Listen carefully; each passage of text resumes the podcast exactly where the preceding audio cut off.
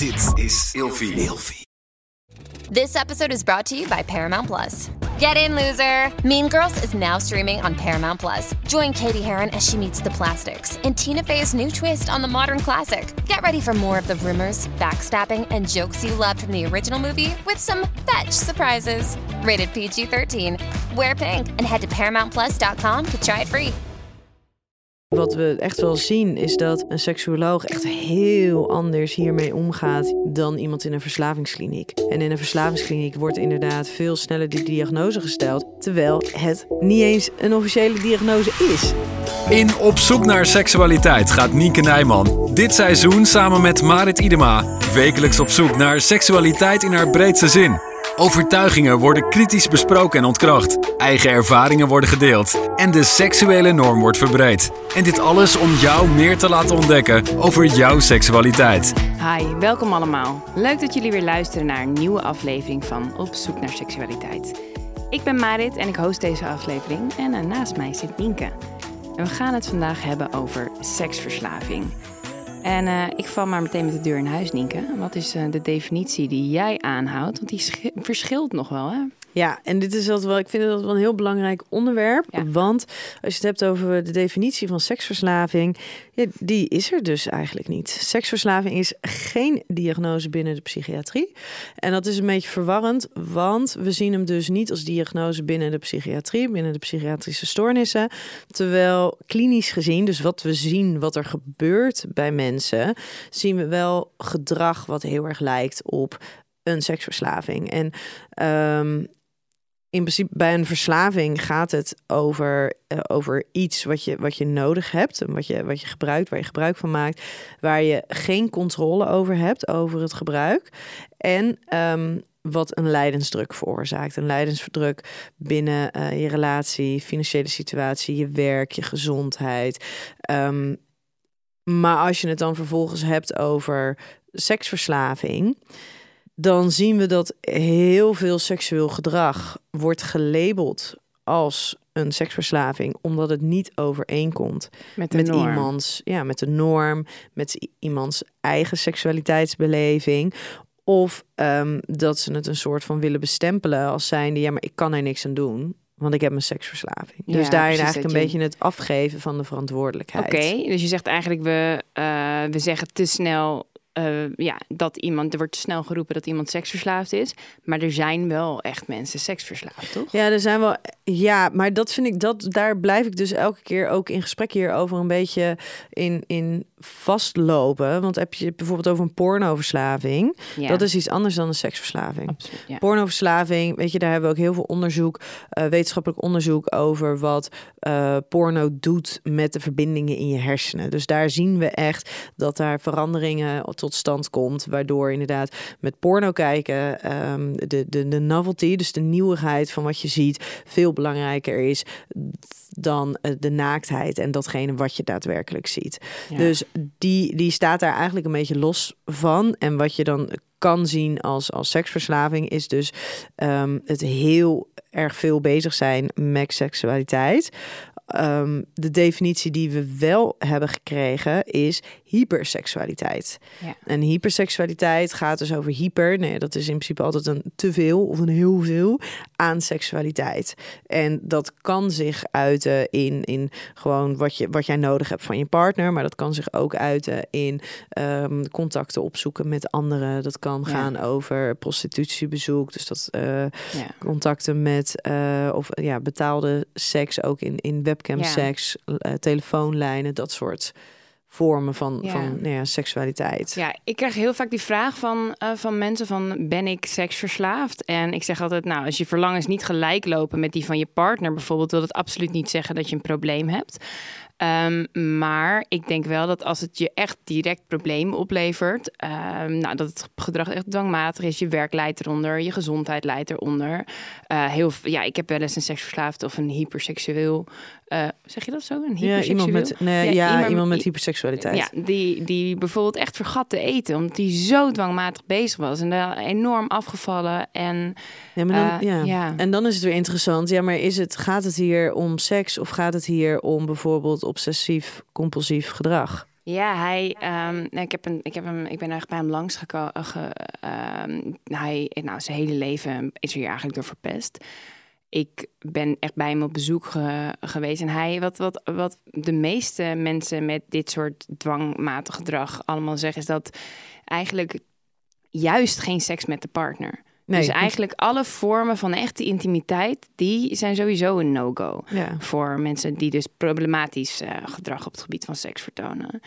En ja, dat, dat is ook wel, want heel vaak zeggen, zeggen mensen wel eens van ja, mijn partner is echt seksverslaafd, want die wil elke dag een paar keer. En ik denk nee, dat is dus precies wat er misgaat heel vaak. Dat heel vaak dus mensen bestempeld worden als en dus eigenlijk een soort van probleem aangepraat wordt.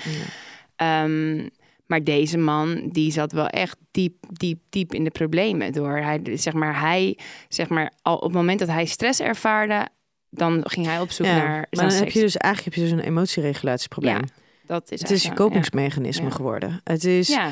het is op de korte termijn willen ontsnappen aan een onprettig gevoel, aan een onrust, aan spanning. En dus dat stukje seks opzoeken. Of in ieder geval een, een vorm van seksueel gedrag. Maar het gaat ook helemaal niet om opwinding. Nee dat is helemaal niet vanuit... En helemaal, vooral niet om verbinding met een ander mens. Een ander mens is gewoon een lijf. Gewoon, sterker nog, dat kan ook de reden zijn waarom dergelijk gedrag begint. Ja, juist gebrek Omdat ze dat te ingewikkeld vinden om die intimiteit op te zoeken. En het kan vervolgens ook continu een trigger zijn... dat op het moment dat er een partner in hun leven aanwezig is... en die wil dat intieme contact aangaan... en ze merken dus in alles in hun lijf... ja, maar ik kan het niet, want ik kan mezelf niet zo kwetsbaar opstellen. Ik kan die verbinding niet aan gaan. Ehm, dat ze dat dus vervolgens um, als trigger ervaren om elders hun, hun nou ja, seksuele gedrag uh, te, gaan, te gaan uiten. Ja, eigenlijk, want um, eigenlijk kan je het vergelijken met een gokverslaving in die zin. Het zijn geen middelen die je tot je neemt die je kapot maken van binnen, maar het is wel een antwoord op een, op een, ja, op een bepaalde ja, leegte. Het is of zo. Ja, ja, en dat is natuurlijk waar verslaving vaak over gaat, hè? Over, over leegte. Um, en, en het willen vervullen daarvan. En het is, het is heel erg korte termijn beloning. Ja, korte termijn. Maar... En wat hierbij hebben, want normaal altijd als, we, als je een van dus de vereisten voor wil iets een, een verslaving zijn, dan moet het minstens zoveel maanden moet het zijn. Het moet minstens op, op hè, leidensdruk geven. Maar als je kijkt naar seksualiteit en seksueel gedrag wat niet helemaal passend is bij nou ja, de verlangens of behoeftes van je partner.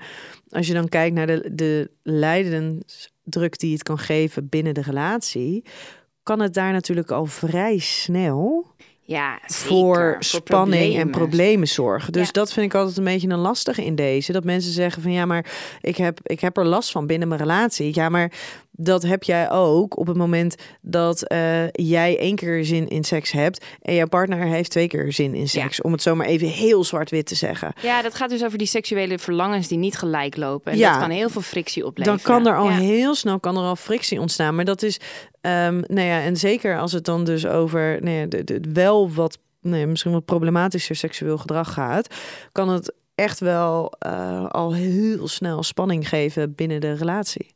Ja, ja en misschien ik daarin beschrijf ik, heb ik het liever dus niet over uh, iemand met een seksverslaving, maar iemand met problematisch seksueel gedrag of een problematische um, relatie met seksualiteit. Ja, maar ik vind wel dan, als je stel je voor je wil drie keer op een dag seks met je, met je partner dan nog is dat niet per definitie problematisch. Toch ook als is, die partner dat, is, dat niet nee, wil. Nee, dat is, dus maar dat is in mijn beleving absoluut niet problematisch. Nee, dat, nou is ja, dat gewoon... is wel lastig voor je relatie. Maar dat heeft niks met, met, met, met hyperseksualiteit of seksverslaving te maken. Het wordt problematisch als het eigenlijk dwangmatig wordt, Precies, als het dwangmatig, als er geen gevoel van controle, als het niet is, en dat is in deze hele belangrijke, niet is vanuit een, uh, een, een, een, verlangen naar seksualiteit, verlangen naar verbinding, intimiteit, vanuit een gevoel van opwinding. Maar het is is om de leegte op te vullen. Het is om een ander gevoel eigenlijk te maskeren. Precies. Ik voel me gestrest, ik voel me kut. Ik los het op met een erotische massage of een bezoek aan de prostituee. Want dat is wel vaker hoe het opgelost wordt dan seks met de partner. Hè? Ja, nee, maar seks met de partner, dat gaat over veel meer. En dat is iets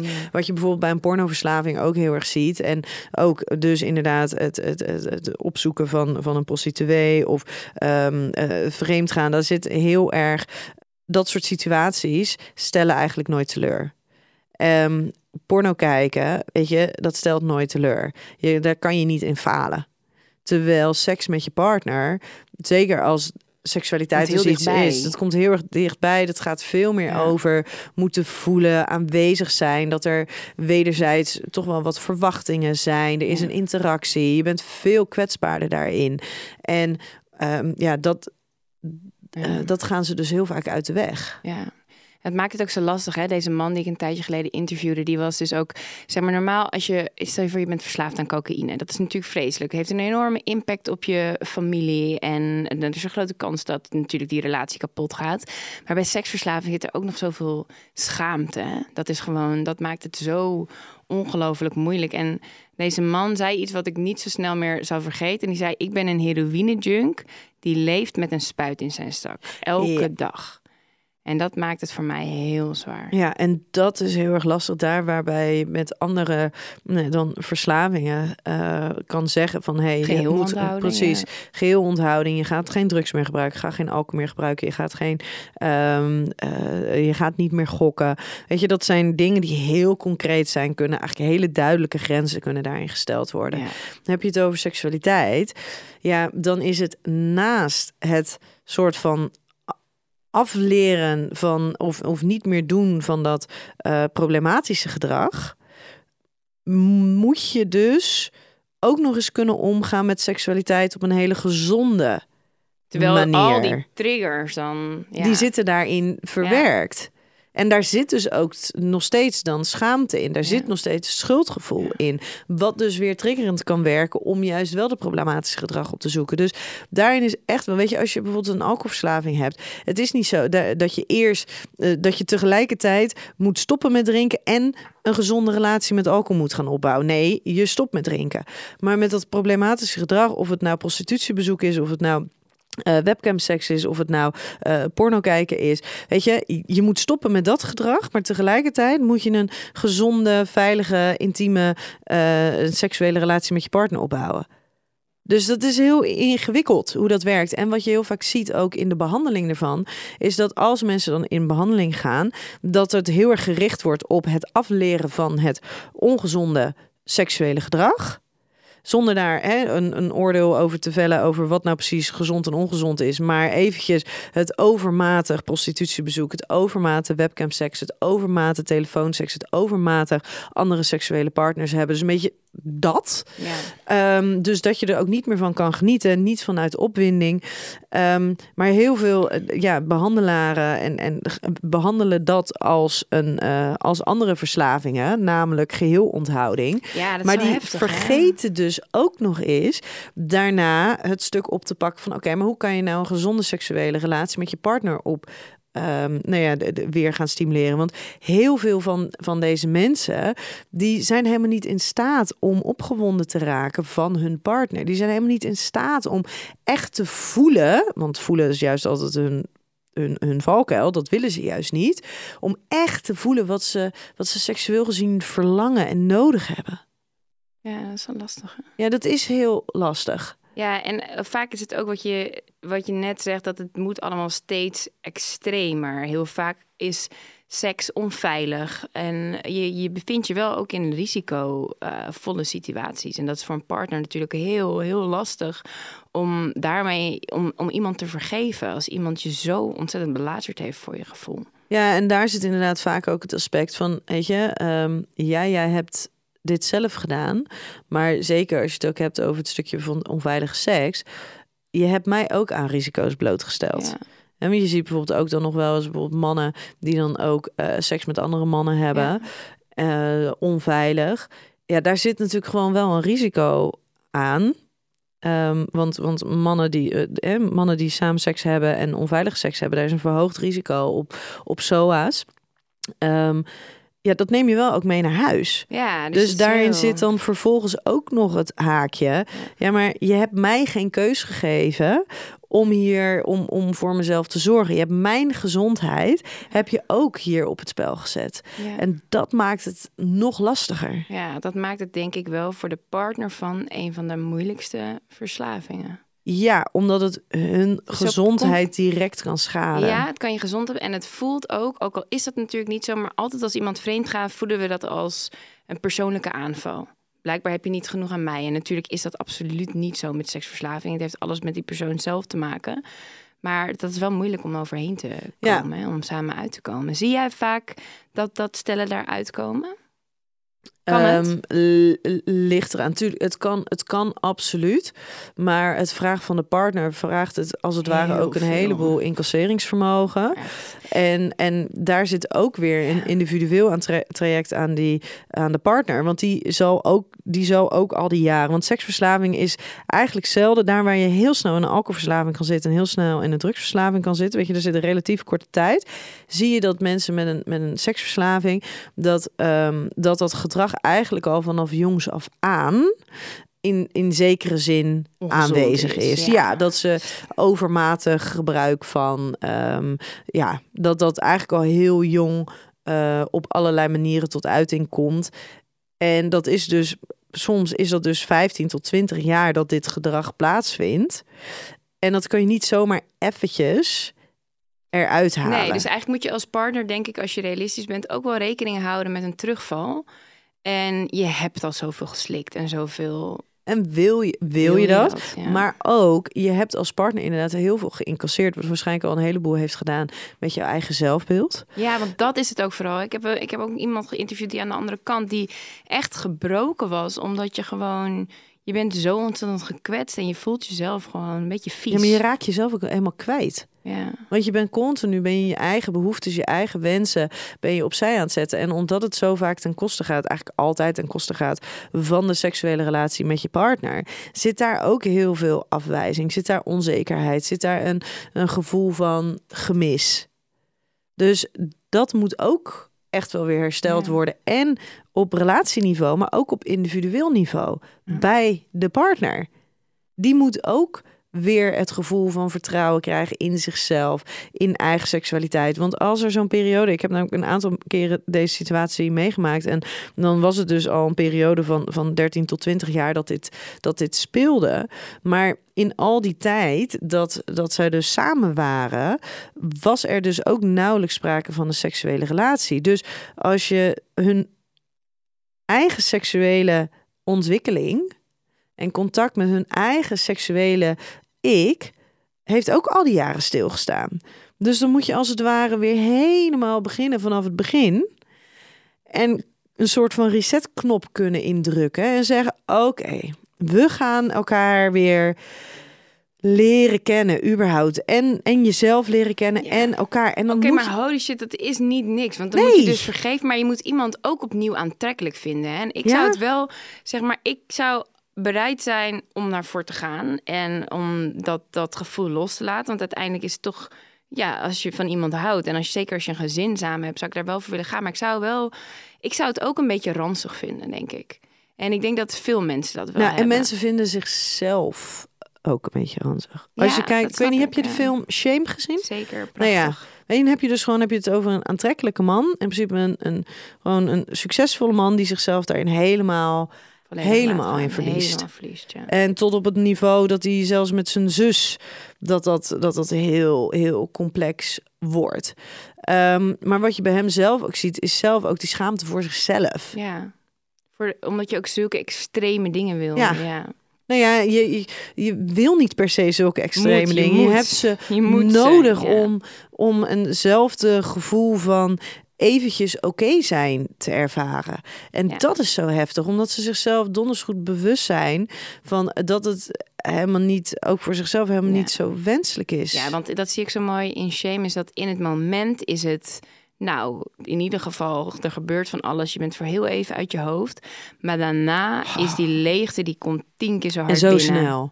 Ja. Zo snel. En dan moet je eigenlijk weer op zoek naar een nieuwe shot of voor ja, om die leegte. Dus wel echt wel een aanrader. Ja, Shame. Gewoon ook om de complexiteiten van te begrijpen, maar ook de, de worsteling met het um, met het onvermogen om eigenlijk een gewone relatie Ja, met iemand gewoon te gaan. überhaupt al een intieme band, ook al Oh. een vriendschappelijke band. In dat opzicht is het heel mooi dat je ziet van seksverslaving of hyperseksualiteit is zoveel meer dan veel zin hebben in seks. Ja, en, en het, ja, het maakt, het is echt wel heel intens voor de mensen die daar echt wel last van hebben. Maar daartegenover staat dat er ook gewoon mensen zijn die heel erg gek op seks zijn. Nee, daarom. En daar gewoon- vind ik ook zo ja. lastig. Dat inderdaad, ehm, maar daar gaat de, de, de, de vraag die ik binnenkreeg ook over. Nou, vertel. Ja, die is van R. Zij is 31 eh, en vrouw. Ik ben opgegroeid in een dorp. Mijn beste vriendinnen hebben inmiddels kinderen. Ik, eh, ik verhuisde een paar jaar geleden naar Amsterdam. Mijn seksleven is best wild. Ik heb geregeld one-night stands. En laatst belandde ik na een afterparty zelfs in een kwartetje. Ik vond het geweldig. Maar toen ik het aan mijn vriendinnen vertelde, reageerden ze bezorgd. Ik kreeg een paar dagen later een soort interventie. Ze vertelden me dat ze mijn gedrag dwangmatig vinden. Dwangmatig vinden. En dat mijn seksdrive niet gezond is. Ik werd verslaafd genoemd. Een nymphomane. Het kwetste me enorm. Zelf heb ik niet echt het gevoel dat ik een probleem heb. Maar nu ga ik toch twijfelen. Ben ik een nymphomaan? En zo ja, is dat erg? Ik heb sowieso altijd heel veel moeite met het woord nymphomaan. hè? Ja. Eigenlijk is het een beetje synoniem voor slet. Ja, Van, eh, eh, toch? ja. Het is natuurlijk wel, een nymphomaan is wel iemand met ook dwangmatig gedrag. Maar te snel gebruiken we dat woord voor vrouwen, zeker. Toch? ja, en of het nou nymphomaan is of eh, ik denk dat heel veel mensen dat woord niet eens kennen. Nee? Of, of slet. Ehm, ik denk dat als ik dit hoor, en denk dat die vriendinnen een groter probleem hebben dan dat zij heeft. Ehm, nee, maar weet je, er is echt niks. helemaal niet als een probleem. Nee, er is, leuk. er is zo niks mis met, met eh, weet je, ze is 31, ze is vrijgezel, ze woont net in Amsterdam. Echt, als, als je het wil, als je het leuk vindt, als je het fijn hebt, doe het alsjeblieft. Ja, het is wel zo lastig als jij en je omgeving in dat opzicht totaal andere levens leiden. Hè? Dat, dat, dat, dat zo'n, dat je, als je afwijkt van de norm, dat je daar zo veroordeeld om wordt. En het zal best vanuit een goed hart zijn, maar dat is wel heel pijnlijk. Ja, en het zal inderdaad vanuit liefde en bescherming zijn. Maar er zit natuurlijk ook een mega groot oordeel. Ja, heel groot in. oordeel. En daarin ehm, denk ik dat, dat als je kijkt naar hoe sowieso hè, opgroeien en wonen in een, in een dorp, ja, daar heb je gewoon een hele andere cultuur, heb je hele andere normen en waarden, ideeën over seksualiteit, dan dat als je bijvoorbeeld in Amsterdam woont. Maar Ja. ook, wat ik ook denk ik ook wel meespeelt, is als je je eh, vrij waant in Amsterdam, ben je ook veel minder bang voor het oordeel van anderen. Dat je, je bent wat anoniemer, eh, je hoeft niet bang te zijn wat de buurman van je denkt. Terwijl als je in een dorp opgroeit, dan is de cultuur vaak toch al wat meer over ehm, van ja, je moet niet te gek doen. Nee. Want dadelijk gaan mensen wat over je, over je denken. Dus je mag Ja. niet anders zijn. Ja. Voldoe maar gewoon aan de verwachtingen. Ja, en ik kan me ook ergens wel voorstellen dat als je al heel jong misschien getrouwd bent en een gezin hebt, dat het zo ver van je afstaat dat je denkt, nou, die is niet helemaal lekker. Omdat Dat- je deze ex- ervaring helemaal niet Nee, hebt. en eigenlijk heb je dan heel veel gemist. Nee, ik wil er niet over oordelen. Maar ik denk wel inderdaad dat het heel moeilijk is om vanuit die positie je te verplaatsen hierin. Omdat je dat, dat soort gevoelens niet echt kent. Nee, maar en, en als seksualiteit iets is wat jij niet per se onwijs leuk of fijn of, of opwindend vindt. ehm, ja, dan is het natuurlijk ook heel lastig om die voorstelling te maken, dat inlevingsvermogen, dat dat voor sommige mensen wel zo is. Ja. En dat voor sommige mensen seksualiteit echt een vorm van ontspanning is. En lekker, lekker gewoon lekker vrij zijn en, en loslaten. ja, experimenteren ook weten, erachter komen wie ben ik, wat vind ik lekker. Ja, dat het onderdeel, het mag, Ja. het, het is voor sommige mensen echt wel een belangrijk deel van wie ze zijn. En voor Ja. sommige mensen is dit nou gewoon helemaal niet zo. Nee. En het is ook zo dat je best een periode dit kan doen. Dat je denkt van ik wil gewoon experimenteren en ik wil gewoon van alles proeven. Heb ik Het is gedaan. natuurlijk ook niet gezegd dat dit, hè, ze is 31 vrijgezel. Het is ook niet gezegd dat dit is wat ze de komende 20, 30 jaar gaat doen. Alleen ik denk dat het voor nu Ja. heel gewoon, ja, Ja. ik wou zeggen heel adequaat, maar dat klinkt wel heel niet sexy. Heel adequaat gedrag is gewoon Heel prima. assertief, heel assertief van ja. Ja, en We als zijn het- trots op je, ga Nou, zo hè? door. En als het niet is, weet je, je hoeft natuurlijk ook niet die vriendinnen af te vallen. Want het is heel lief als ze haar willen beschermen. Maar misschien is het dan wel goed om een keertje ook aan hun te vragen: van, kunnen we dan gewoon een keertje onbevooroordeeld een gesprek hebben. Over ook wat is nou inderdaad een verslaving. En dat je uitlegt van bij mij is dit dus geen dwangmatig gedrag. Ik heb er psychisch totaal geen last van. Ik dus vind het leuk. Ik vind het leuk, ik geniet. Ja, Ontmoet nieuwe mensen. ik ontmoet nieuwe Hè? mensen. Nee, absoluut. eh, Misschien zit er ook wel een vleugje jaloezie in. Ja, weet ik niet. Ja, ik denk dat, dat, dat het moeilijk nogmaals is om je te verplaatsen vanuit die positie. Dat je dan zo'n zo'n orgie of, zo'n kwartetje is dan dat je denkt, wow, heftig. Heb je een heel, misschien een heel ranzig beeld bij. En dat je denkt, waarom doet mijn vriendin dat? Dat, dat kan Ja. ik me ergens voorstellen. Waar of niet waar? Vrouwen en mannen verschillen amper op seksgebied. Ze zijn dus ook net zo vaak seksverslaafd. Die is grappig. Eerste stukje is waar, het tweede stukje is niet waar. Probeer die er met je in te ja, dat is inderdaad niet waar. Ehm, het is sowieso lastig om, om, om goede cijfers eh, ja, van seksverslaving. Dat is natuurlijk wel omdat waar we het net al over hadden. Heel vaak wordt iets een seksverslaving of hyperseksualiteit, wordt de, de stempel erop gedrukt. Terwijl dat misschien helemaal niet is. Omdat er misschien een vriendin aan de bel trekt met een eh, die, die, eh, die vindt dat eh, de partner niet voldoet aan de norm. Maar de beroepsgroep in de geestelijke gezondheid houdt het erop dat 2,3% van de mannen in Nederland en 0,2% van de vrouwen kwamt, kampt, kampt met een dwangmatig verlangen naar seks. Ja, en dat zie je sowieso wel, hè? want hyperseksualiteit is dus uh, onderdeel van de parafilie. En parafilie, dat is dus dat je um, ja, ja, je, je seksuele opwinding zich richt op um, objecten, vormen van seks, die, dat is heel mooi in de omschrijving, afweek, afwijkend zijn van de, seksuele norm. Um, maar daarin zie je vooral mannen. En dat is best bijzonder. Dat is dus de seksualiteit van mannen zich dan toch op een, op een andere manier lijkt te ontwikkelen. En of dat nou een stukje nurture is of nature is. Ja, dat is wel bijzonder, hè? Want ik heb inderdaad zo vaak fetischisten, maar er is echt nog nooit een vrouw geweest die zei: nee. Ik word zo geil van een schoen. Dat ja, je denkt, nee, bizar is. Het zijn echt, ja. echt voornamelijk mannen. Ja. Dus we zijn in heel veel opzichten komen er overeen, maar er zijn ook verschillen. Moeten we zeker uh, geen doekjes om. Uh, misschien misschien zijn de, zitten de verschillen wel, als ik, en dat weet ik helemaal niet zeker, hè, maar zitten misschien wel de grootste verschillen in deze uiterste vormen. Ja, misschien ja. Dus dat, daar zit wel wat in. Ik denk juist inderdaad als we het hebben over zin in seks of vreemdgaan, dat dat allemaal vrij hetzelfde is. Ja, dat dat allemaal hetzelfde. Maar als je het echt ja, hebt over de fetishes, over de, nou, echt over de problematische gedrag, dat dat meer bij de, bij de mannen zit. Ja, ja, ja. Ehm, ik heb wel een paar keer eh, gevonden dat seksuologen zeggen dat seksverslaving bij vrouwen steeds vaker voorkomt. Ja, dat, dat herken ik ook wel. Ehm, maar daar zit misschien ook wel een stukje in dat telkens meer vrouwen eh, meer uit durven te komen voor hun eigen seksualiteit. Maar is het dan, heb je het dan gewoon over vrouwen die enorm in contact staan met hun seksualiteit? Of heb je het dan echt over dus die, Ja, dus die dat is heel hyperseksualiteit? ja. ja. Ja, ja dat is lastig. En als je er voorheen geen zag en nu zie je er drie in de praktijk, ja, dan lijkt het al alsof ja, dan lijkt dan een stijging is. Het is Dus- natuurlijk, ja.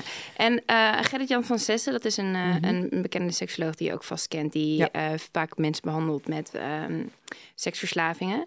En hij zegt, bij vrouwen uit het zich vaker dit dwangmatig gedrag in liefdesverslaving. Dat klopt. Dat klopt. Dat klopt in de, in de, aandacht, eh, in de aandacht die ze nodig hebben. Aandacht ter bevestiging, aandacht voor het vervullen van de leegte. Hoe ziet dat eruit, zo'n liefdesverslaving? Eh, nou, dat betekent het, gaan, het aangaan van contacten met mensen waarin ze dus inderdaad heel erg eh, de leegte die ze voelen willen opvullen met aandacht. En dat hoeft dus niet per se seks te zijn. Want bij seks, bij mannen, het, Gaat het om krijgen van het daad? orgasme en de, de, het belonende gevoel wat daaruit voortkomt. Terwijl bij vrouwen is het daar helemaal niet op gericht. Maar gaat het veel meer inderdaad recht om, om de aandacht. Om de bevestiging dat ze er mogen zijn. Maar dat is vaak ehm, ook hele lege aandacht. Ja, en vaak zijn het ook vrij destructieve relaties, hè, waar, Ja. waar je dan in belandt. Waar, ze, waar dus ook die leegte heel erg in gevoeld wordt. Ja, eigenlijk waar, waar je, je gaat zo'n relatie aan, maar je, wordt, je bent nog eenzamer misschien wel. Ja, omdat die pieken en eh, de, de dalen zijn nog intenser, nog groter. En de pieken voelen daarna heel erg intens en heel erg gelukmakend. Maar dat is eigenlijk gewoon omdat ze de leegte die daarvoor is gecreëerd opvullen. Ja, is dat net zo, kan dat net zoveel impact hebben op een mens, een uh, verslaving als een seksverslaving? Ja, absoluut. Nou, bijvoorbeeld als je het hebt over financiële middelen, weet ik niet of, of dat zeg maar op dezelfde manier uh, verstrekkende gevolgen kan hebben. En het is, het is nog meer op emotioneel niveau, hè? want je voelt je nog meer afgewezen. Want waar je op zoek naar bent, is, is die bevestiging, is gezien worden. Maar de kans dat je afgewezen wordt, is dus ook gewoon aanzienlijk aanwezig. En op het moment dat je dus um, die, die hyperseksualiteit, je gaat op zoek naar seks. En er zijn best wel wat bronnen van seks beschikbaar. Waarin je dus gewoon nee, op dat moment um, voldoening kan krijgen. In ieder geval voor de korte termijn. Dus het hele emotionele spel, op het moment dat je dus op zoek bent naar, de, naar, naar liefde, is risicovoller. Ja. In de zin van dat de kans op afwijzing ook groter is. Ja, en ik, ik heb ook wel eens iemand geïnterviewd met zo'n verslaving en die omschreven. En kan ik me heel goed voorstellen dat haar hele omgeving ook helemaal klaar was met haar op een gegeven moment. Omdat die, nou, die, die, die, die uh, vergiftigde relatie, om maar even zo, die giftige relatie die die stond bij haar altijd op één. Dus iedereen was minder belangrijk. En het enige waar ze het eigenlijk over kon hebben was over, over mannen, over die relatie. Maar volgens mij wisselde het ook vrij snel. Dus ik kan me wel voorstellen dat het voor een omgeving heel lastig is als iemand de hele tijd verkeerde of verkeerde slechte keuzes maakt. Maar ik denk wel, en dit is, dit is ook gewoon weer eventjes on the top of my mind, ehm, dat ik dit nu zeg. Als je het hebt over een liefdesverslaving, dan gaat dat denk ik, ligt de kern daar heel erg in je hechting. Ja. Dus hoe ben je gehecht, veilig, onveilig? Hoe heb jij altijd geleerd om relaties met andere mensen aan te gaan? Ben jij het waard om aandacht te krijgen? Kan jij die ook ontvangen? Kan je vertrouwen op de mensen om je heen? Dus ik denk dat dat heel erg gaat ehm, over, over je hechting, waarin dat al uh, de, de basis daarvan wordt gelegd. Terwijl heb je het echt over die seksverslaving.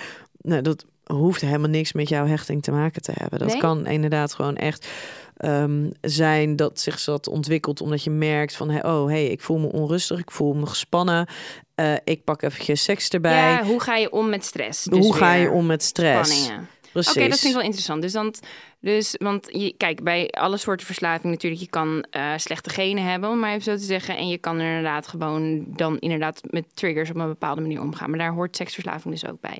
Ik zou me kunnen voorstellen dat juist uh, onveilige hechting daar nog een iets grotere rol in speelt. In seksverslaving? Ja, maar nou, dat hoeft niet, hoeft niet per se. Maar het kan absoluut wel, hè? Tuurlijk. Kan absoluut wel, want uh, wat je vaak ziet is dat mensen toch een, een, laag zelfbeeld hebben. Um, een laag zelfbeeld hebben, weinig uh, zelfwaardering. Gert-Jan van Zessen die werkt ook altijd met het vat van zelfwaardering. Dus daar is heel veel leegt. En op het moment dat jij een hele goede, stabiele hechting hebt. En jij weet, ik ben het waard. Je weet, ik mag er zijn. Dan zal je ook in situaties waarin het even niet zo goed gaat. minder snel neiging hebben om destructief gedrag te gaan vertonen. Terwijl op het moment dat jij een heel laag zelfbeeld hebt. ga je dat sneller doen. Gewoon omdat dat is wat je kent. Dat is wat Tuurlijk, wat, wat, wat, Zou het ook kunnen dat een seksverslaving misschien minder ernstig zich kan ontwikkelen dan dat dat, dat hele diepe dal misschien. Ja, misschien wel. Misschien wel, maar. Um, ja, een beetje een voordeel, hè? Ja. Dat, ja. Nee, of dat is in ieder geval speculeren. Ja, speculeren. Het aantal seksverslaafden in Nederland neemt enorm toe de afgelopen jaren. Ja, ik zou wel zeggen waar. Al definieer ik het dus niet als seksverslaafde. Seksualiteit. Ja. Nou, een beetje gemengde en een beetje tweedelig antwoord hierop. Seksverslaving behoort inmiddels tot de top drie van grootste verslavingen na alcohol en nicotine. Althans, dat meldt de Telegraaf uh, twee jaar geleden met een schreeuwerige kop. Um, ja, de uh, crisis care, uh, Dick Trubendoffer, mm hoe spreek ik het goed uit? Uh, zei dat het aantal seksverslaafden zo groot is geworden dat het epidemische trekjes begint te krijgen. We beginnen nu pas in kaart te brengen uh, ja, hoeveel mensen het eigenlijk zijn. En er zit een alarmerend groeiende lijn in. En dat baart mij grote zorgen, zegt hij uh, uh, dus een paar jaar geleden. Maar Gert-Jan van Sessen ziet helemaal geen toename van het aantal seksverslaafden in de afgelopen 30 jaar. Ehm, ja, dus dat is een beetje lastig. Hè? En ik denk dat dat dus weer mee te maken heeft van wat is de definitie die jij aanhoudt. Dus als, als stel je voor je komt erachter dat je partner heel veel porno kijkt. Misschien dat je zegt, weet je, ga toch maar even langs uh, langs zo'n kliniek. En volgens mij is dit ook een privékliniek, hè? Is dat ook natuurlijk ook al... Van ja, die hebben ook een bepaald belang. En dat is namelijk geld verdienen. Op het moment dat zij zeggen van dit is problematisch gedrag kom maar in behandeling, dan heb, plukken zij daar direct de vruchten van. Of is dat een wat plus, uh... want ik heb namelijk ook wat cliënten gehad die daar dus in behandeling zijn geweest. En dat is dus inderdaad een verslavingskliniek. En zij doen geheel onthouding. Ja, zij doen een geheel onthouding. Um, terwijl Gertjan van Zessen, die is ook seksuoloog. En die werkt inderdaad al 30 jaar met mensen met een seksverslaving. Ja. En uh, wat we echt wel zien is dat een seksuoloog echt heel anders hiermee omgaat, hier naar kijkt, dan iemand in een verslavingskliniek. En in een verslavingskliniek wordt inderdaad veel sneller die diagnose gesteld, terwijl het um, eigenlijk niet eens een officiële diagnose is. Dus nee, en dat is wel lastig. Dat is dus zo en zo'n kop scoort natuurlijk ook heel lekker. Hè? Zo van, oké, dit gaat, uh, dit neemt epidemische vorm aan. Ja. ja. Terwijl als je dus wat je dus ook ziet is dat um, nou in Amerika en zo heb je ook voor, voor de seksverslaving jarenlang dat mensen dus naar seksklinieken of uh, naar verslavingsklinieken gingen. En wat je eigenlijk zag was dat ze dus vooral richten op dit mag je dus niet meer doen, die geheelonthouding. Maar dat uh, mensen die daar dus uh, zijn geweest, dat die merkten dat eigenlijk een problematiek alleen nog maar veel groter ja, want hallo, het is, het is nogal wat. Weet je, dat je helemaal... Ik bedoel, je hebt een probleem met seks, maar het is wel een onderdeel van ons van Ja, maar je hebt dus eigenlijk helemaal geen probleem met seks. Je hebt een probleem met uh, intieme relaties. Je hebt een, een, probleem met het aangaan van uh, moeilijke uh, situaties. Met het verdragen met het van, van spanning. Ja. Dat soort dingen. Dus als je gaat kijken, bijvoorbeeld wat, wat een Gert-Jan van Zessen ook doet... is dan met dat van zelfwaardering... is um, ga nou proberen om op dagelijkse basis... op in, in kleine situaties andere keuzes te maken. Dus in plaats van dat je dus naar, naar die porno grijpt, in plaats van dat je weer, uh, weer gaat masturberen, maak bewust de keuze om het niet te doen. En op die manier letterlijk jezelf elke dag een schouderklopje te geven. Een taartje. Ja, nee, en het is ja, dat soort dingen. Weet je, maak, maak andere keuzes op een hele kleine schaal. En leer erop vertrouwen dat jij dus ook op een andere manier met stressvolle situaties om kan gaan. Precies. Met die leegte om kan gaan. Is het kwalijk dat, dit, uh, dat er in verslavingsklinieken uh, dit soort uh, ja, therapie wordt toegepast? ja, ik denk het wel. Ik denk het wel, omdat er dus letterlijk die mensen die worden op het moment dat ze dan zoveel dagen geen seks hebben gehad, zoveel dagen geen problematisch gedrag hebben vertoond, dan worden ze losgelaten en wordt er gezegd, nou, succes. Maar dan staan de meesten met hun handen in het haar. omdat ze geen idee hebben hoe ze dan weer überhaupt in contact moeten gaan komen met hun partner. Dus het is zoveel complexer dan dat ze het doen lijken. Ja, want op zich gewoon, het is, klinkt makkelijk dan maar gewoon geen seks meer hebben. Maar dat betekent ook dat je inderdaad, hoe ga je in godsnaam nog die intimiteit opzoeken met je partner dan? En, en hoe ga je om met een erotische scène uit een film? Of hoe ga je ehm, om met ja, fantasieën en dingen? En ik geloof er ook wel in dat dan wordt het nog, dan moet je de hele tijd bepaalde gevoelens onderdrukken. En, en dan daar wordt gaat het, mis. Een enorme want, obsessie. Want het onderdrukken van gevoel, dat hebben ze al die jaren al gedaan. Daar ontstaat die spanning en die onrust van. Vervolgens ja. grijpen ze dus weer naar, dat, naar dat gedrag. Ja, ik kan me ook voorstellen dat juist als je gedrag wel neigt naar problematisch, maar dat het echt nog, nog, nog helemaal niet zo erg is, misschien als het kan zijn, dat het juist misschien dan dat wel wordt. Dat je dat als dat je zoiets. Uh, ja, dat het zo, als je dat echt niet meer mag, dat je juist die, uh, dat verergert, die hyperseksualiteit. Dus jongens, niet doen. dan zijn we nu bij de stellingen. Hyperseksualiteit is vaak een excuus voor onverantwoordelijk gedrag en gedrag van ontrouw. Voor sommige mensen wel. Ja, sommige mensen die gebruiken het wel als een excuus om bepaald gedrag te mogen vertonen of te kunnen vertonen. Anderen zijn zichzelf er echt gewoon in kwijtgeraakt. Ja, noem ze een voorbeeld dan, dan iemand die bijvoorbeeld gewoon het leuk vindt om vreemd te gaan, omdat hij gewoon. Precies, en die zegt, die geeft dan als excuus: um, Ik kan er niks aan doen. Uh, weet je, ik heb een seksverslaving, of hè, om het maar even in de volksterm te noemen, of ik uh, ben uh, hyperseksueel. Um, dus dit is nou eenmaal wat ik doe. Terwijl um, ja, je kan ook andere keuzes maken. Je kan ook ehm, hulp vragen. Weet je, dus er zijn andere opties die je hebt. En als jij zegt, ja, sorry, maar ik kan er helemaal niks aan doen. Dus je geeft jezelf een vrijbrief om alles maar te doen. Maar je bent nog steeds mens en je hebt nog steeds verantwoordelijkheden af te leggen, zeker als je een partner hebt. Ja, en ik vind dan zeker waar we het dan hadden, die veilige seks, dat is wel ook echt een ding. Hè? Dan als je je partner al zo bedriegt, dat je ook nog iemands gezondheid in gevaar brengt. Zelfs als je vijf keer porno kijkt per dag, is dat niet per definitie problematisch gedrag. Nee, per definitie is dat het, uh, is dat het niet. Um, maar daarbij is wel de vraag, en dat is wat ik aan het begin al zei, hè, de, pornoverslaving en, en hyperseksualiteit, dat zijn nog wel verschillende takken van sport. Um, maar zolang jij porno blijft kijken, omdat het je echt continu maar blijft opwinden en dat het niet is om dingen te vermijden, dan hoeft het niet problematisch te zijn. Maar ik heb wel, kijk je het elke dag, uh, kijk je vijf, ja, vijf keer per dag, zit wel aan.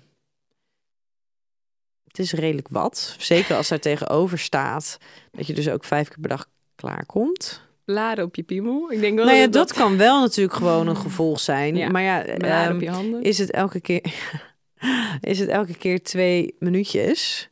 Of is het elke keer twee uur? Want als je zegt het is elke keer twee uur, dat is vrij. Kijk, en dan komen we meteen, als het elke keer twee uur is, dat betekent dat je zoveel uur daarin stopt. Dan gaat het sowieso ten koste van iets anders in je leven. En dan is het dus ook bijna per definitie wel dwangmatig gedrag. Toch?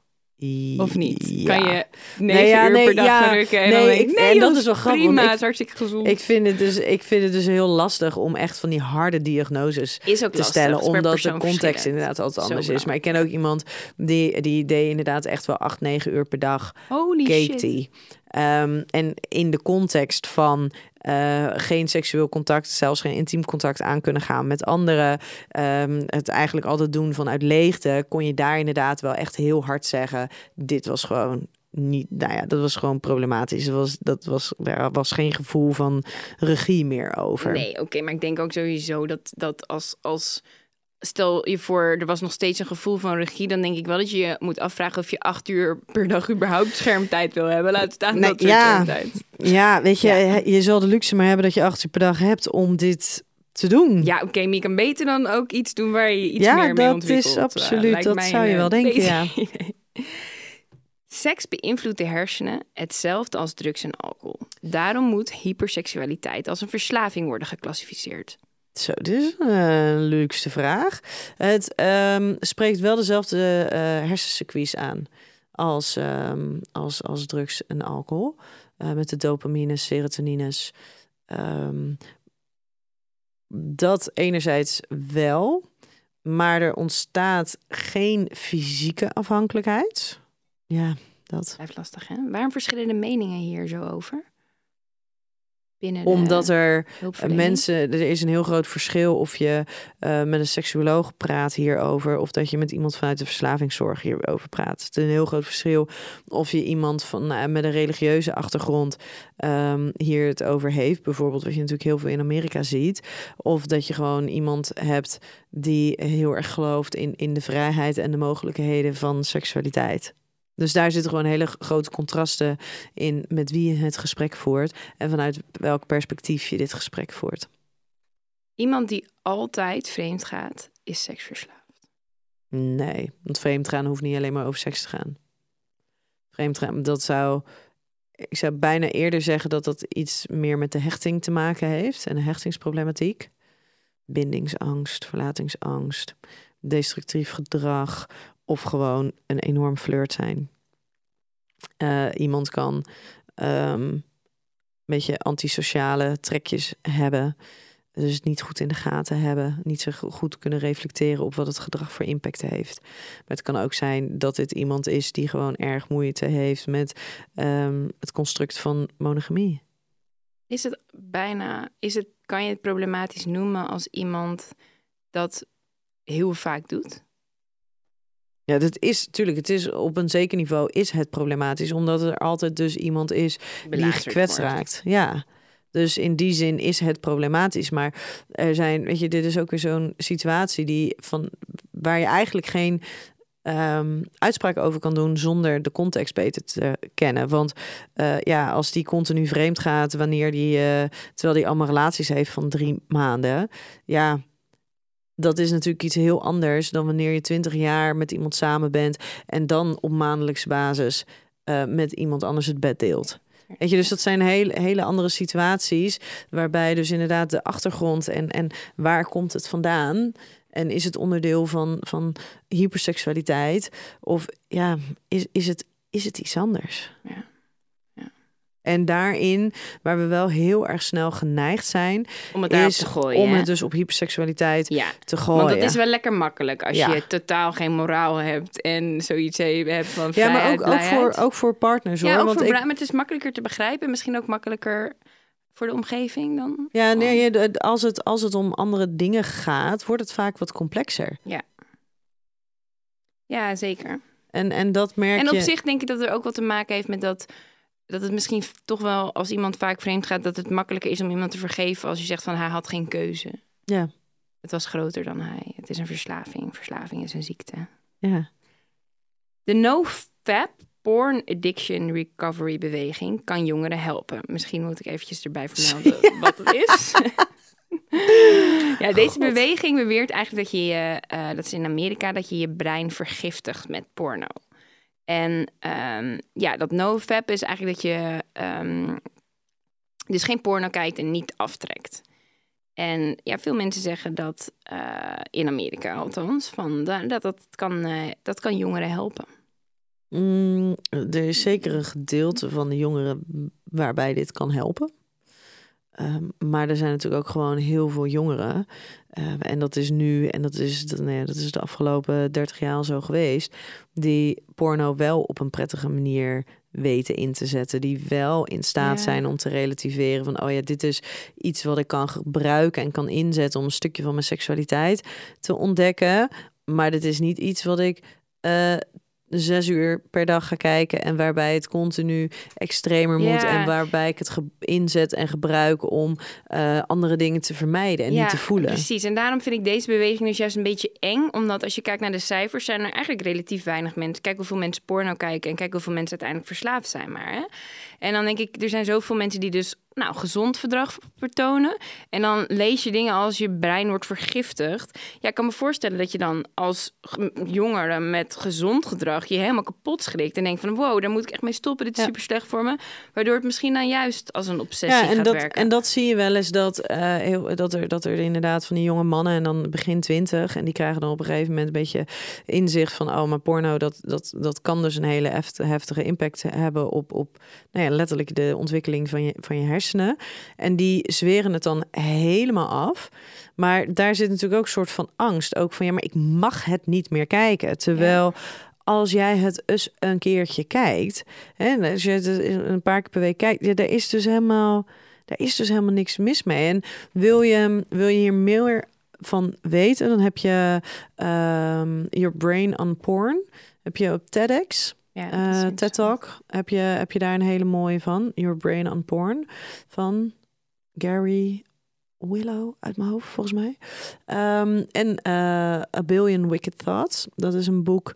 En daar staat dus ook alle, allerlei onderzoek in over... ja, maar wat, wat doet porno nou echt eigenlijk met ja. de hersenen en de ontwikkeling? Ja, en het is goed om je daar bewust van te zijn van de gevaren. Maar het is ook goed om te weten dat het ook iets moois kan zijn... en Oh ja, ook een fijne manier om, uh, om je eigen seksualiteit verder ja. te ontwikkelen. Yes. Hebben we nog een uh, take-home message? Um, benoem niet te snel dingen als seksverslaving. Ja, ik denk dat dat echt wel heel, want um, dat, dat, ja, daar hebben de partners van ook een, een hele grote hand. Ja, weet je, als, jou, uh, als jouw partner inderdaad vreemd gaat en je zegt, ja, maar hij is seksverslaafd. Ja, dat je hebt werkelijk geen idee. Nee, verdiep je erin, ja. leer er wat over. Kijk shame en weet gewoon echt van seksverslaving is meer dan alleen maar vreemd gaan. Veel meer dan alleen maar vreemd gaan, inderdaad. En uh, vaak seks willen. Want nogmaals, juist die verbinding zoeken seksverslaafden niet heel vaak op. Dus als jouw partner heel vaak met jou naar bed wil, dan is de kans dat die seksverslaafd en echt specifiek met klein. jou Ja, en jou op, opwindend vindt en, en jouw aandacht wil geven, Ja. dan is dat inderdaad. Ja, dat is ehm, soms wel heel ingewikkeld, hè? Als ja. die verlangens zo. Dus dat is heel lastig. Ja, maar dan hoef je het niet als verslaving te Nee, labelen. maar want misschien heb je daarmee- daar wel hulp bij nodig. Ja, en is dat wel lastig? Ja, maar dan wijs je natuurlijk ook gewoon een heel deel van de ander af. Want als jij dit tien jaar lang zegt tegen je partner, Nee, nou geloof me, dan ga, je, dan ga je geloven dat je een probleem Ja, hebt. maar daarom. Dus praat iemand ook geen probleem aan, want dat is een heel naar gevoel. Ja. ja. En zoek een oplossing, weet je. En zeg van, nou luister, ik wil best eh, één keer per week vind ik heel lekker om seks met je te hebben. Maar voor de rest, eh, Zoek het zelf zoek uit. het even lekker zelf uit. Rechterhand, potje vaseline. Je hebt ook steeds meer mannenspeeltjes, dus eh, doe je ding. Ja, ja, nee, maar ik denk dat dat een hele belangrijke is. Als je, er, als je, als je ziet dat jouw partner of iemand anders seksualiteit op een andere manier beleeft dan jij. En dat het dus niet binnen jouw ehm, kader past van hoe seks eruit Ja, zou moeten wees zien. Niet afwijzend. Wees niet afwijzend en benoem het niet als een seksverslaving. Want het is gewoon een andere seksualiteitsbeleving. Yes.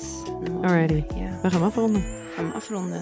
Heb jij nou vragen voor ons? Eh, dan eh, kan je die via onze Instagram insturen. Bijvoorbeeld seksualiteit.podcast. Heel goed, heel goed. En dan eh, spreken we elkaar volgende keer weer. Tot de volgende keer. Hoi hoi.